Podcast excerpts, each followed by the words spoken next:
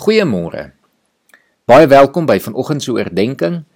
Vanoggend staan ons stil by getrouheid. Getrouheid as eienskap van die vrug van die Gees het soos die ander eienskappe in die eerste plek met iets binne jou te maak voor dit na buite gekanaliseer kan word. Uiteindelik wil God deur die vrug van die Gees ons leer om soos hy te wees. Ons is immers na sy beeld geskep en wanneer ons sy kinders word, moet ons hierdie beeld uitstraal. Die Bybel maak dit baie duidelik vir ons dat God 'n getroue God is. 1 Johannes 1 vers 9 sê God is getrou en regverdig. Hebreërs 10 vers 23 sê laat ons styf vashou aan die hoop wat ons bely want God is getrou. Hy doen wat hy beloof het. Getrouheid is dus in die eerste plek 'n eienskap van God.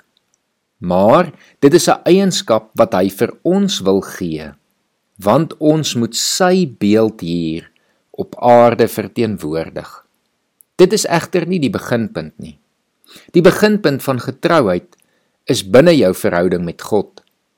Die Heilige Gees wil jou 'n getroue hart en gesindheid teenoor God gee, want jy is immer sy bruid. Daar is 'n verhouding wat tot stand gekom het toe jy as nuwe mens met 'n nuwe hart gebore is. Dit is egter vir God baie belangrik dat jy getrou sal wees in hierdie verhouding en dat jy hom altyd eerste sal stel. Daarom wil hy deur sy gees vir jou getrouheid leer.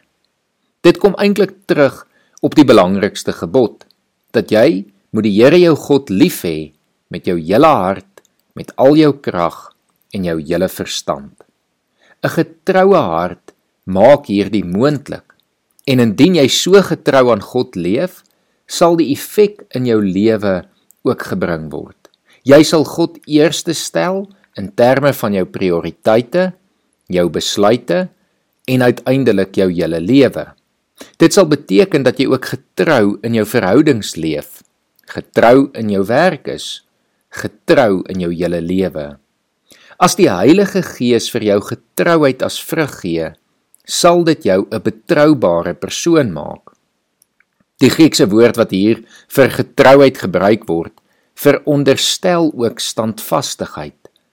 Indien jy in 'n standvastige verhouding met die Here staan, sal dit jou meer standvastig in jou lewe en in jou verhoudings hier op aarde maak, want God is standvastig en jy is dan in hom geanker.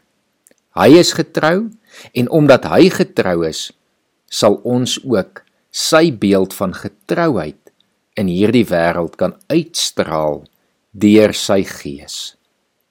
Dit kan egter net gebeur as die Here in jou lewe is, as die Heilige Gees in jou kan werk, as jy toelaat dat die Heilige Gees jou met getrouheid vul. En dan kan jy omdat jy bereid is, ook in getrouheid teenoor God gaan leef. Ek lees vanoggend vir ons 1 Korintiërs 1 vanaf vers 4 tot en met vers 9. Ek dank my God altyd oor julle vir die genade wat hy in Christus Jesus aan julle geskenk het. Want in hom het God julle in alles ryklik geseën, veral in die gawes van woord en kennis. Die boodskap van Christus is onder julle so goed gefestig dat dit julle nie aan 'n enkele genadegawe ontbreek nie.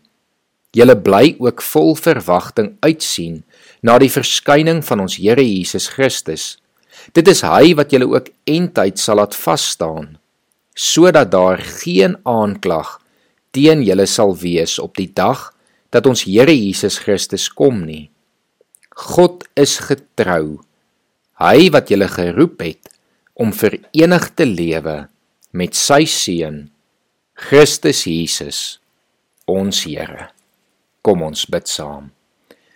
Here, dankie dat U deur die eeue getrou is aan U kinders. Here, dat U keer op keer in ons eie lewens al bewys het dat U ons nooit in die steek sal laat nie. maar dat U altyd daar is. Here, ons weet deur ons sondige natuur is ons soms ontrou, Here.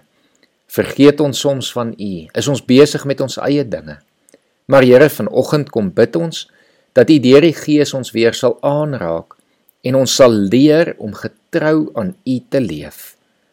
Here, ek dank U daarvoor in Jesus se naam. Amen.